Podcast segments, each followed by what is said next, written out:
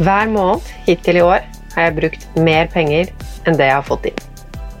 Velkommen til Pengesnakk podkast. I dagens episode så kommer det til å handle om noe dere har etterspurt. Hvordan eh, ser min økonomi ut nå? Vi hører du sier at eh, du tjener mindre. Hvordan går det egentlig? Så i dag skal jeg gå gjennom eh, starten av 2020 økonomisk sett, sånn for min egen del. Min økonomi. Hvordan tenker jeg, og hva gjør jeg når pengene ikke bare renner inn? Og renner inn har de vel aldri gjort, men jeg hadde jo en fast jobb. ikke sant? Lønningsdag. Fikk 30 31 000 kroner inn. Det var fast. Noen ganger hadde jeg litt ekstra inntekter fra ekstrajobbing i tillegg til det også. Og nå er det jo bare ekstrajobbing. Kan vel ikke kalle det ekstrajobbing kanskje når det er hovedinntekten min, men det er opp til meg da, å tjene pengene. Og så er det litt sånn med min jobb at jeg også kan jobbe massevis uten å tjene penger. Hvis jeg skriver et blogginnlegg eller forbereder en podkast Jeg tjener jo ikke penger på det sånn direkte. Så poenget med denne episoden, hvis det er noe poeng, da, så er det å dele litt hvordan jeg takler usikkerhet i økonomien. For det har jeg på en måte aldri opplevd før. Jeg har jo tjent mine egne penger siden lenge før jeg flytta hjemmefra. Så unntaket er kanskje de periodene jeg har bodd i utlandet. Og tjent, eh, Da jeg bodde i Tyskland, så tjente jeg 260 euro i måneden. Eh, men forskjellen, da, det er jo at jeg da nesten ikke hadde utgifter. Nå har jeg masse utgifter. Så vi kan starte der. Jeg har eh, sett på månedene hittil i år og laget et gjennomsnitt på alt sammen. Og først og fremst vi bor i et dyrt hus. Eh, og det er jo egentlig grunn nummer to til den store endringen i min personlige økonomi. Det første er usikker inntekt, og det andre er dyr bolig.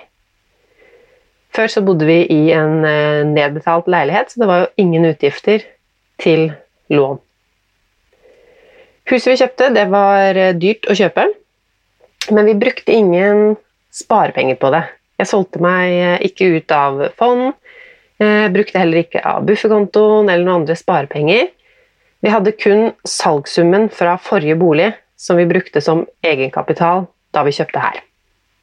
Og så lånte vi resten. Så det at det var dyrt å bytte bolig, det merker vi jo først på de månedlige utgiftene. For det å bo her, eh, med det lånet vi har på 5 millioner Eneste grunnen til at jeg takler å ha et så stort lån, er at huset er verdt mye mer enn det. Lånesummen er 35% av det vi kjøpte huset for. Men ja. Det koster i renter hver måned.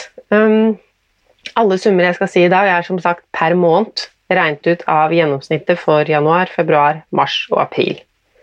Så noen ting um, Vi skal holde tunga litt rett i munnen her. På de første kategoriene så kommer jeg da til å si tallet som er for både meg og Tom, altså hele husholdningen, og så dele det på to for å få min del. Mens de andre postene, altså mitt eget forbruk og min sparing og investering, da er det bare mine utgifter. Um, for jeg har delt det inn i bo, boutgifter, uh, andre felles utgifter, eget forbruk, og så har jeg også med sparing. Hvis vi begynner med å bo, så da er det utgiftene for oss begge to. I renter så betaler vi over 10 000 kroner. Strøm har vært snitt på 2000. Internett betaler vi 600 kroner for, og kommunale avgifter 1000. Det betales jo bare to ganger i året, en regning på 6000, men per måned 1000. Og så har vi oppussing. 25 000 kroner i måneden. Og Det virker kanskje rart å ta med det i et sånt løpende regnskap, men um, mange ville kanskje holdt det utenfor, som en egen, eh, at det kommer fra en egen oppussingskonto. Men uh, vi har ikke noe egen oppussingskonto. Og um, oppussing er jo midlertidig, men samtidig så kommer nok vi til å pusse opp jevnt og trutt her i sikkert årevis. Og så handler jo den kostnaden om å bo, så jeg tar det foreløpig i hvert fall med i det månedlige oppsettet.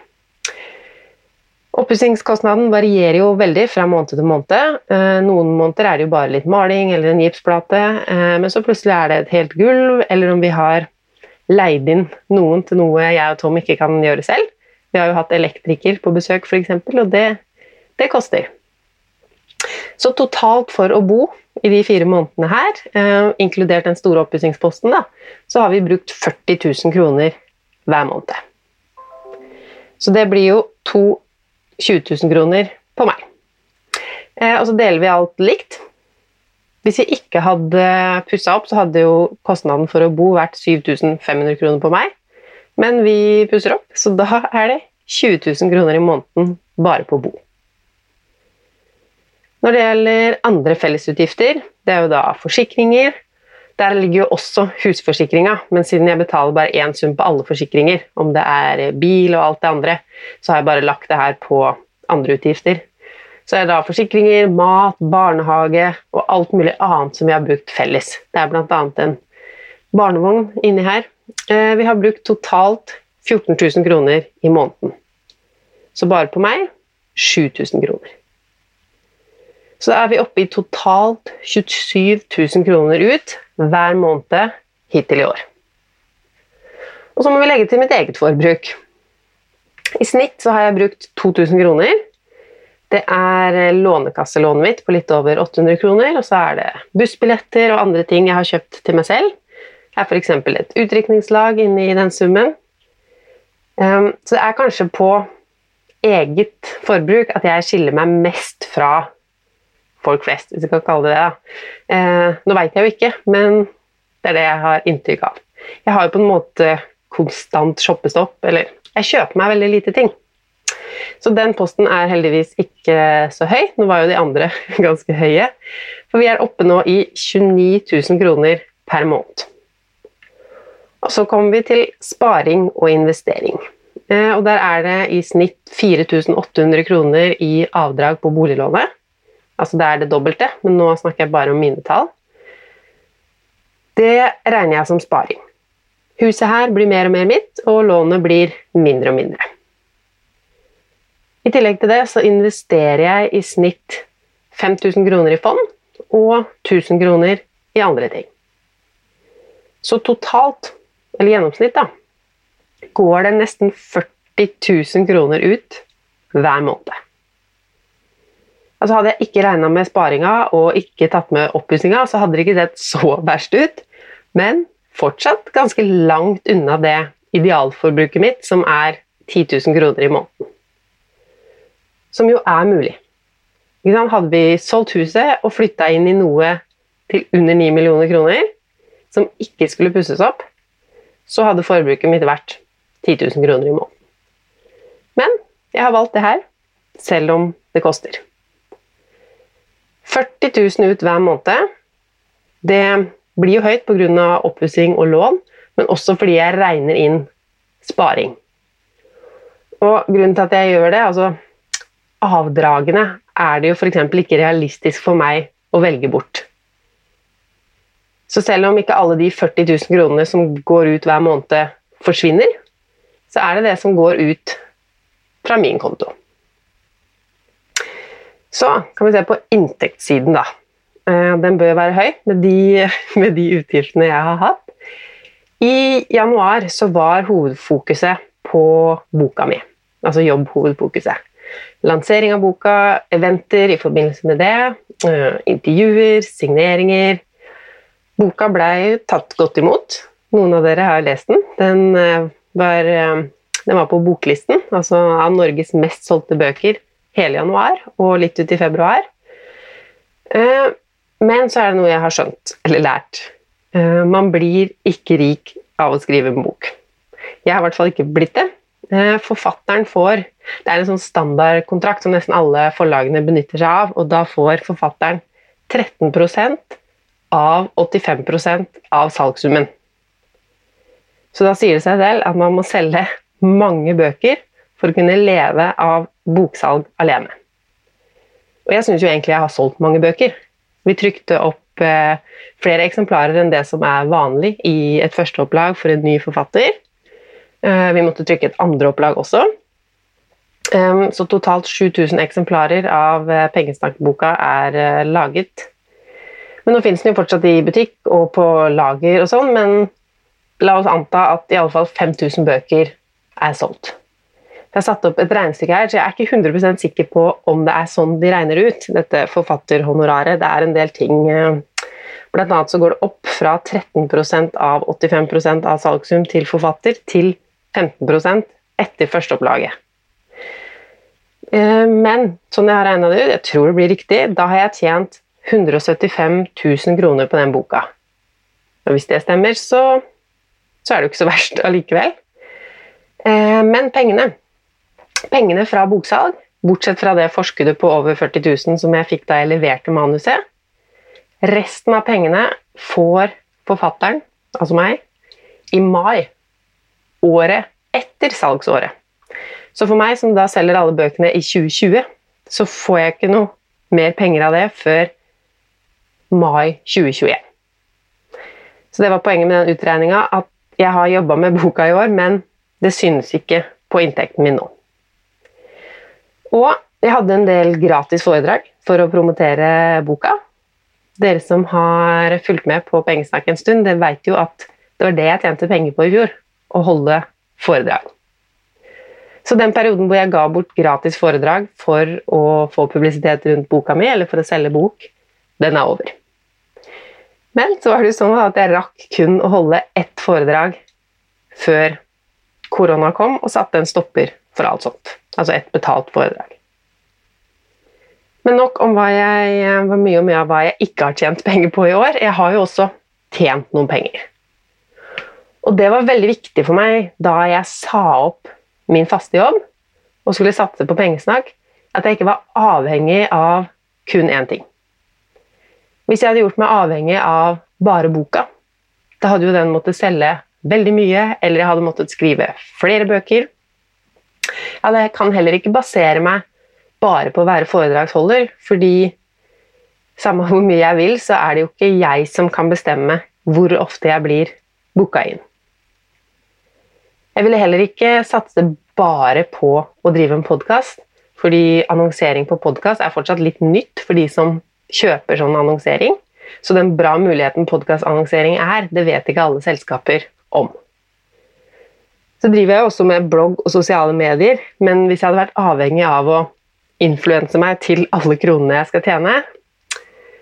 Hadde jo kanskje gått, eh, men så er jeg veldig restriktiv på hvilke selskap jeg vil samarbeide med. Men sånn totalt på alle plattformer og alt jeg gjør, og med har også noen samarbeid der jeg leverer tekster og innhold som noen betaler meg for å lage, så tenker jeg at jeg har nok bredde og nok av ulike inntektsmåter til at pengesnakk er en business. Kurs har jeg lyst til å lage til dere òg. Vi får se hva som kommer. Eh, men hittil i år så har jeg fått inn 96 500 kroner. Da har jeg trukket fra momsen allerede. Det er jo penger som jeg krever inn på vegne av staten, og det er en fast prosent, så det, ehm, det har jeg liksom tatt vekk allerede her. Eh, skatten har jeg ikke trukket av da, fordi der uh, veit jeg jo ikke helt hvor mye jeg ender med å betale i skatt før man veit fasiten fra hele året. Foreløpig så har jeg betalt inn forskuddsskatt på bare 9100, og det var vel bare for januar og februar, så jeg har satt av ytterligere litt over 20 000, altså en prosentandel som jeg tenkte, eh, skal bli riktig skatt, da, hvis eh, året går som jeg tror. Så da er det igjen til meg 62 700 kroner. Deler jeg det på de fire månedene som har gått, så er det i snitt 15 675 kroner i måneden. Og det er jo ikke nok til å finansiere min eh, livsstil, som tydeligvis krever 40 000 kroner i måneden.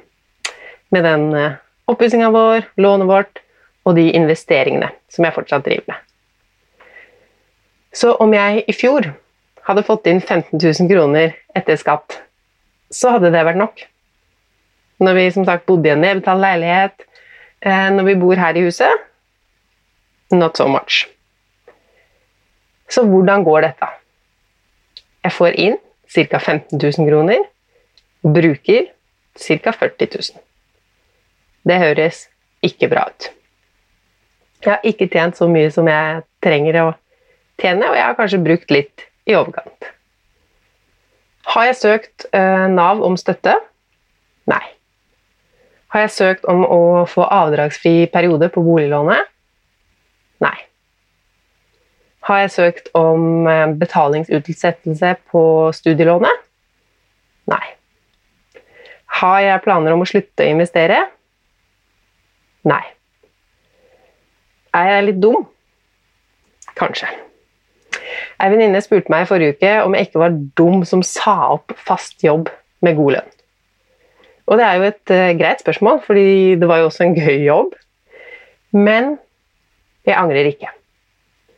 Hvis jeg ikke hadde sagt opp jobben, så hadde jeg jo ikke kunnet skrive Pengesnakkboka, som jo altså, Boka har betydd mye for mange, men det var jo også veldig gøy for meg å få muligheten til å skrive og gi ut en bok. Jeg hadde jo ikke kunnet lage podkast hver uke.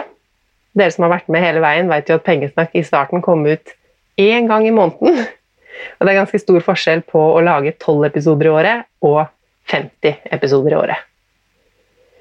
Og um, hvis jeg ikke hadde bestemt meg for å jobbe med pengesnakk, men å bare ha det som hobby, så hadde jeg jo alltid kunnet tenkt hva hvis?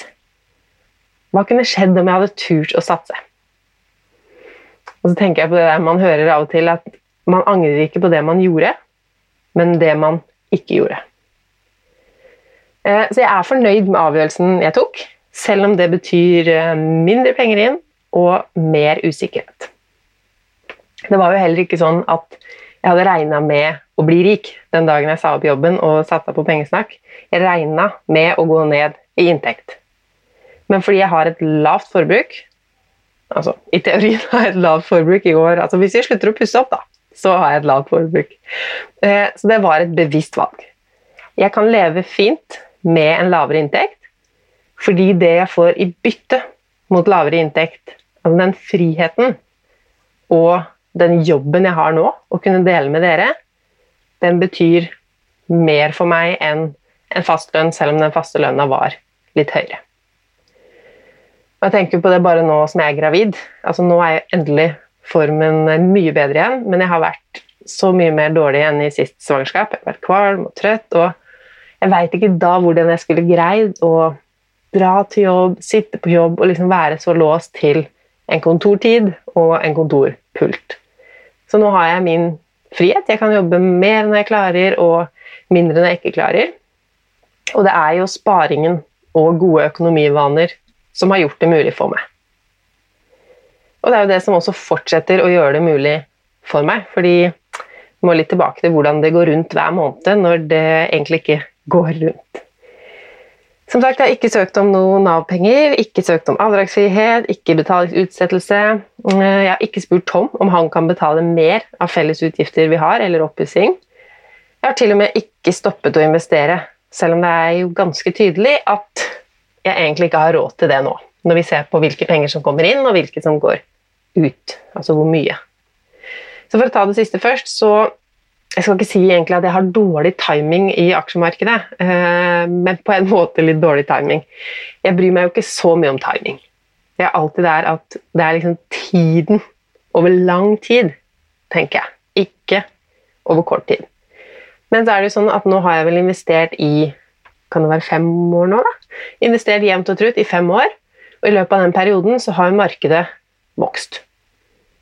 Så litt forenkla så kan vi jo da si at de kronene jeg har kjøpt eh, fondsandeler for hver måned Hvis jeg har kjøpt på samme beløp, veldig lenge så var det 20 000 kroner i måneden.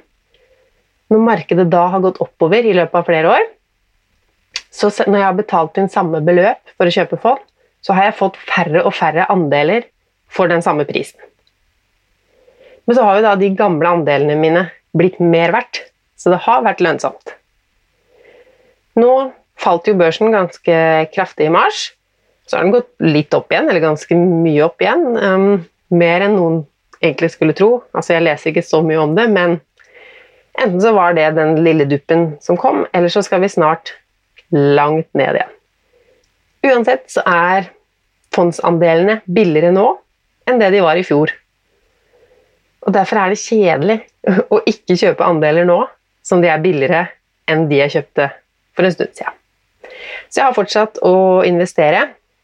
Det var jo sånn Da jeg sa opp jobben rundt påsketider eh, for et år siden, så gikk jeg ned fra å, spare over, fra å investere over 20 000 kroner i måneden til å investere 5000 kroner i måneden. Og det var jo for å spare mer til en bufferkonto. Tilgjengelige penger. Eh, nå sa jeg kanskje bare 5000 kroner. Det var ikke 5000 kroner er jo mye å investere hver måned, men når jeg var vant med å investere over 20 000, så ble det liksom bare 5000. Eh, men ja, de 5000 har jeg fortsatt med. Jeg liker å investere. Og i høst så hadde jeg også råd til det, sånn sett. Eh, og nå, som jeg ikke egentlig har råd til det, sånn fra måned til måned, så er det jo plutselig enda mer lønnsomt. Så da klarer jeg ikke å slutte med det. Jeg tenker jo at i løpet av de neste ja, ti åra så skal jeg investere mye penger. Og nå virker det som Man veit jo aldri framtida, man veit bare hva som har vært. Men det virker som man får mer andeler for pengene, og det vil jeg jo være med på. Så hvordan går det egentlig, eller hvordan klarer jeg det? Hvilke penger er det jeg bruker? Og svaret på det er at jeg bruker av bufferpengene mine. Jeg har en eh, kjempestor buffer. Den var vel Den var over 200 000 idet vi starta dette året. Eh, da jeg gikk ned til å investere 5000 kroner, så hadde jeg jo mange måneder med, eller flere måneder i hvert fall, med at jeg sparte 15 000 kroner inn på bufferkontoen. Og så rakk jeg jo å tjene en del penger på pengesnakk før det var min hovedinntekt, så da sparte jeg det også. Så den bufferkontoen, som jo ikke var tom i utgangspunktet, rakk jo da å fylle seg godt opp. Så var det også sånn at jeg hadde to gode måneder i høst, da jeg reiste rundt med foredrag og samtidig fikk det forskuddet på boka. Så der Her er kanskje litt sånn nøkkelen til alt. Jeg skrudde ikke opp forbruket da. Når jeg fikk inn da like mye penger på én måned som jeg nå har fått på fire måneder, så gikk jeg ikke og kjøpte meg noe spesielt eller brukte mye penger. Og da, på, den, eh, på det tidspunktet så hadde vi ikke starta med oppussing heller, så da brukte jeg jo veldig mye mindre enn jeg hadde kunnet. Fordi pengene sto jo der. De var jo mine, og jeg hadde tjent de. Så liksom Poenget blir da Skal du bruke mer enn du får inn? Det som jeg driver med nå, tydeligvis hver måned, jeg bruker mer enn jeg får inn, så må du tidligere ha brukt mindre enn du får inn. Bufferkontoen er jo sikkerheten min. Den bufferen gjør at eh, jeg ikke trenger å ta dumme eller kortsiktige valg i businessen fordi jeg må ha penger. Bufferen gjør at eh, jeg har råd til det om vi må gjøre et eller annet her, liksom bytte et vindu eller et eller annet skjer med huset. Eh, men bufferkontoen min er jo stor, da. Veldig stor. Og det handler jo om at jeg er en trygghetssøkende person. Og som sagt, når jeg har hatt gode penger inn, så har jeg ikke brukt penger med begge hendene bare fordi jeg har de. Hvis det er et uttrykk å bruke penger med begge hendene. Um, sånn ideelt sett, jeg håper jo å slippe å bruke av bufferkontoen min for å investere og leve og oppusse. Det går jo ikke i lengden. Men til den er nede på sånn 100 000, kanskje? 150 så bruker jeg av de pengene og gjør ingen tiltak på en måte, annet enn å prøve å jobbe for å tjene mer penger. Da. Um, så jeg må ta med et lite um, om det her òg, fordi det er Jeg råder jo ingen til å investere pengene på bufferkontoen, og så nå gjør jeg det selv. Jeg får ganske ofte spørsmål om um, hvordan kan jeg investere bufferpengene mine. Og da svarer jeg ganske sjokkert nei, nei, nei, de skal du ikke investere. Fordi bufferkontoen Så klart har vi lyst til å ha avkastning på penger som skal bare stå der, men de skal jo stå der for at du skal ha penger når du trenger dem. Og la oss si du hadde investert bufferkontoen din i aksjemarkedet, da, hvis du gjorde det før jul. Eh, eller enda verre, i enkeltaksjer. La oss si du hadde investert i Norwegian-aksjer. Nå følger ikke jeg så mye med på aksjekurser, men det er jo noen aksjer man hører om har falt og falt og falt. Og da er jo pengene du satte inn, veldig mye mindre verdt nå enn de var før jul. Så da um, Hvis du hadde investert pengene dine La oss si det var enda tidligere i høst. da, Du hadde investert penger i august-september, og så kommer vi til november, og så må bilen din repareres. Da kunne du jo bare solgt noen aksjer og så reparert bilen. Det ser jo ut som et bra regnestykke det, at du har fått litt avkastning mens du har venta på den økonomiske krisen der du trengte pengene. Men så er det jo det da, at aksjemarkedet svinger, og nå har det svingt nedover på veldig mange aksjer. Så hadde du satt inn pengene da i høst, og så ble bilen din ødelagt i midten av mars. Slutten av mars, kanskje 23. mars, det var vel akkurat den laveste datoen før børsen snudde igjen. Da må du jo enten selge aksjene med et stort tap, eller så er det kanskje ikke nok igjen engang hvis det har tapt seg såpass mye. Og så er det jo det med bufferpenger, at du vil ha dem tilgjengelig. Altså Du vil ikke måtte uh, gjøre transaksjoner som tar flere dager for å få ut penger. Så bufferen din må være på sparekonto. Og jeg lever jo det etter det selv også. For det handler jo om litt hvor stor trenger bufferen å være. Min var jo i overkant stor. og det er jo derfor det går fint for meg å ta av de pengene til ja, til og med investeringer. Altså ting som absolutt ikke er kriseting. Som jo burde være en uh, forutsetning før man tar ut penger fra bufferkontoen sin. Så jeg tenker ikke på det sånn at jeg investerer bufferpengene mine, men jeg tar ut penger fra en litt for stor bufferkonto, og de investerer jeg. Så jeg har jo fortsatt en god buffer igjen til uforutsette utgifter så er jo planen å tjene mer eh, penger framover. Da, sånn at jeg ikke skal ha dette underskuddet hver måned. Og allerede i mai nå så kommer det til å gå bedre, fordi jeg får penger fra noen ting jeg har gjort, og noen ting jeg skal gjøre. Så etter mai så kommer gjennomsnittet, altså det månedlige gjennomsnittet, som var 15 000 etter de fire første månedene, kommer til å være 20 000 etter de fem første månedene. Så det kommer seg jo. Eh, og da trenger jeg ikke å bruke av bufferen i mai eller juni iallfall. Så det gjør jo at jeg er eh, litt mindre stressa, men samtidig med min personlighet og min trygghetssøkende um, Når jeg ser tallene, at jeg har brukt 40 000 og tjent 15 000, om det så går opp til 20 000, så er det jo fortsatt en for stor forskjell. Hvorfor er jeg ikke mer stressa? Det handler om det sikkerhetsnettet som jeg på en måte har brukt halve livet på å bygge opp. Det handler om ja, den store bufferen som jeg kan bruke av, men også det der regnestykket vi gjorde i forrige episode. Da vi tok en vårrengjøring i økonomien og regna ut bl.a. total formue.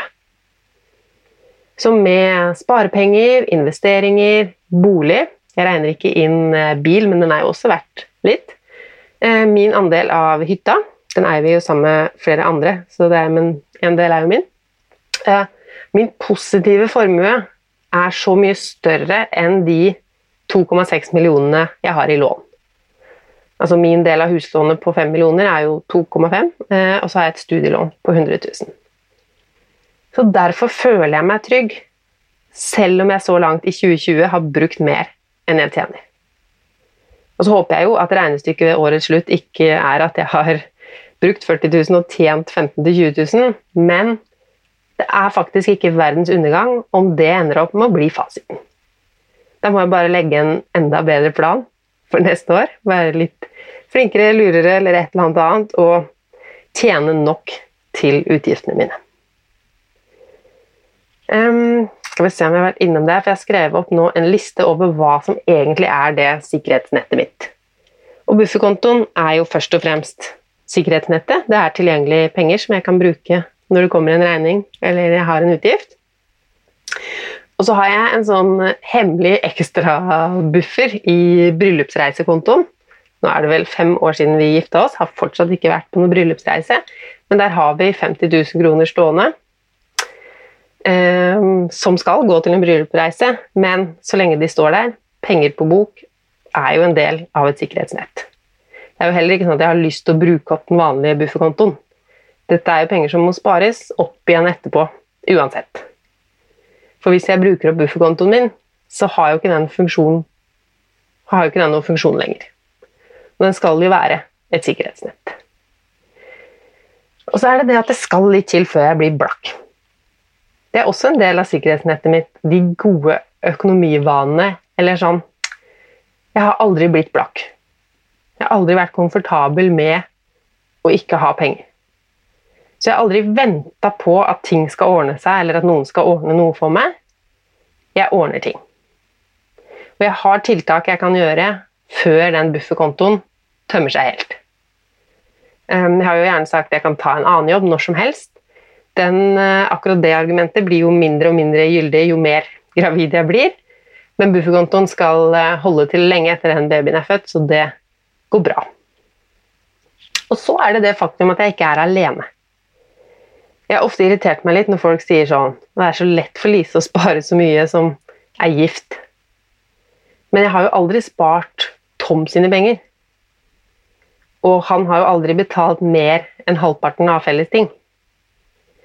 Men når det er sagt, så er det en sikkerhet i å være to. Og ikke det at jeg tenker når min bufferkonto er tom, så fortsetter jeg bare på Tom sin bufferkonto. Men skulle jeg bli blakk, da Det skal mye til, altså, men skulle jeg bli blakk, eh, og så kommer det en strømregning eller barnehageregning, så kan han legge ut for den. Så det er et sikkerhetsnett bare i å være en til. Så neste sikkerhetsmål, holdt jeg på å si, neste ting, det er jo at jeg kan stoppe innbetalinger på studielånet. Jeg har aldri gjort det før, så det kan jeg gjøre i 36 måneder. Nå er jo ikke det en kjempeutgift hver måned, men hvis jeg stopper den i 36 måneder, så vil det gi meg ca. 30 000 kroner å bruke i løpet av den tida.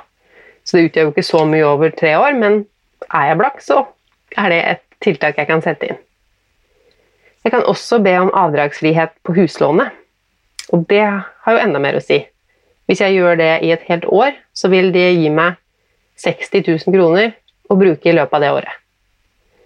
Så da kan jeg bruke 5000 kroner mer enn det jeg tjener, uten å røre bufferkonto. Så bare på å gjøre det ene grepet, så vil det gjøre eh, det mulig å fortsette å bruke mer penger enn jeg får inn. Men jeg vil jo ikke det.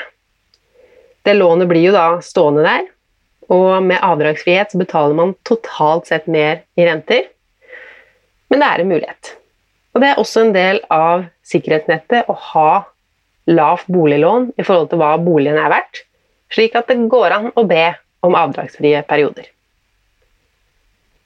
Jeg kan også slutte å reinvestere alt jeg får på de um, smålånene som jeg syns er så gøy uh, å investere i. Det er ca. 500 kroner i måneden. Jeg får ut mellom 500 og 1000 kroner. De fleste låntakerne betaler bare renter der. Dette er jo småbedrifter som jeg har lånt ut til, og mange av de sliter jo også med likviditeten om dagen. Så foreløpig investerer jeg alt jeg får av renter, inn i nye lån til nye småbedrifter som trenger lån. Men det kan jeg jo også slutte med, hvis jeg da heller trenger pengene til å leve. Og jeg kan også slutte å investere i fond lenge før jeg på en måte trenger det sikkerhetsnettet. Jeg kan slutte å investere da i smålån, jeg kan slutte å investere i fond, jeg kan uh, slutte med oppussing. Jeg kan jo ikke fortsette å pusse opp så mye hvis jeg ikke begynner å tjene mer penger. Så hvilke andre ting kan jeg gjøre? Jeg kan selge fond, ja. Det er jo ikke gøy å selge når de har gått ned i verdi, men altså nå som kursen er lav, men totalt fra jeg altså penger jeg har satt inn, så er jeg i pluss på fond. Eh, så jeg kunne solgt alt det hvis jeg trengte det til forbruk. Kunne lånt opp mer på huset, siden vi har eh, så lite lån sammenligna med hva huset er verdt, så kunne jeg lånt opp penger. Jeg kunne solgt Jeg vet ikke hva jeg skulle solgt. Nå har jeg jo solgt mye, men jeg kan selge noe jeg kunne fått litt for. da. Selge sølvtøyet eller designe veska mi. Altså det er mange ting jeg kunne gjort. Så poenget er at jeg har sikra meg for det her. Jeg har backup-planer og rømningsveier og sikkerhetsnett, som jeg liker å kalle det. da. Og det unner jeg deg å ha også. Fordi økonomisk stress, det er ikke et bra stress. Så ikke bruk alt du tjener, i gode tider. Jobb for å få en positiv nettoformue og spare opp til en bufferkonto som kan hjelpe deg. Det er derfor vi har en bufferkonto, ikke for å spare opp noe det er kjedelig å spare til, men for å få noe som kan hjelpe oss i sånne perioder som jeg er i nå. Nå er jeg kanskje veldig selvforskyldt i min uh, situasjon som uh, ja, driver og pusser opp og sånn, men mange andre har jo mindre inntekt nå fordi de er permittert og det er dårlige tider. Men hvis du er så avhengig av å få full lønn neste lønningsdag og måneden etter der og måneden etter der at det ikke ville gått rundt hvis du fikk ut mindre og ikke har noe sikkerhetsnett, gjør det du kan for å lage deg et. Nå er jo disse rådene fra meg som er veldig trygghetssøkende, men eh, ja, det føler jeg er så viktig. Lag deg et så stort sikkerhetsnett som du kan, og ikke gjør deg så avhengig av full lønn. Hvis du hadde fortalt meg for noen år siden at eh, jeg ikke skulle ha full lønn, eller at jeg skulle tjene rundt 15 000 i måneden og bruke 40 000, så ville jeg følt at det var krise. Og det er jo ikke en ønskesituasjon å bruke mer enn jeg tjener. Eh, og for mange så ville jo de tallene vært helt krise. Og over tid, og uten alt forarbeidet, eller hva jeg skal kalle det, alt jeg har gjort før, så hadde det jo vært det for meg òg. Jeg kan jo ikke bruke mer penger enn jeg tjener. Men så jeg føler ikke at jeg er i krisemodus nå i det hele tatt. Jeg jobber jo så klart for å øke inntekt, men på de riktige måtene. Jeg vil ikke inngå samarbeid jeg ikke kan stå inne for. Eh, for det er jo ting jeg deler med dere, ikke sant? og da vil jeg ikke reklamere for en tjeneste jeg ikke tror at noen av dere oppriktig kan få en bedre økonomi, eller at det skal gjøre noe bra for dere. Eh, men de fire første månedene har jo Det har gått greit. Det har øh, Kanskje jeg gjentar meg selv nå, men mine vaner og min sparing har gjort det mulig for meg selv å gå med underskudd akkurat nå. Men det blir spennende å ta tenker vi får ta en ny oppdatering når hele året er over. Hva blei fasiten da? Gjennomsnitt inn, og hvor mye penger jeg har brukt. Hvis det fortsatt er et uh, dårlig regnestykke i desember, så er jeg nok betydelig mer stressa um, enn jeg er nå etter april. Neste episode av eh, Pengesnakk podkast kommer på mandag. Og frem til da så snakkes vi i Facebook-gruppen og på Instagram. Ha det bra!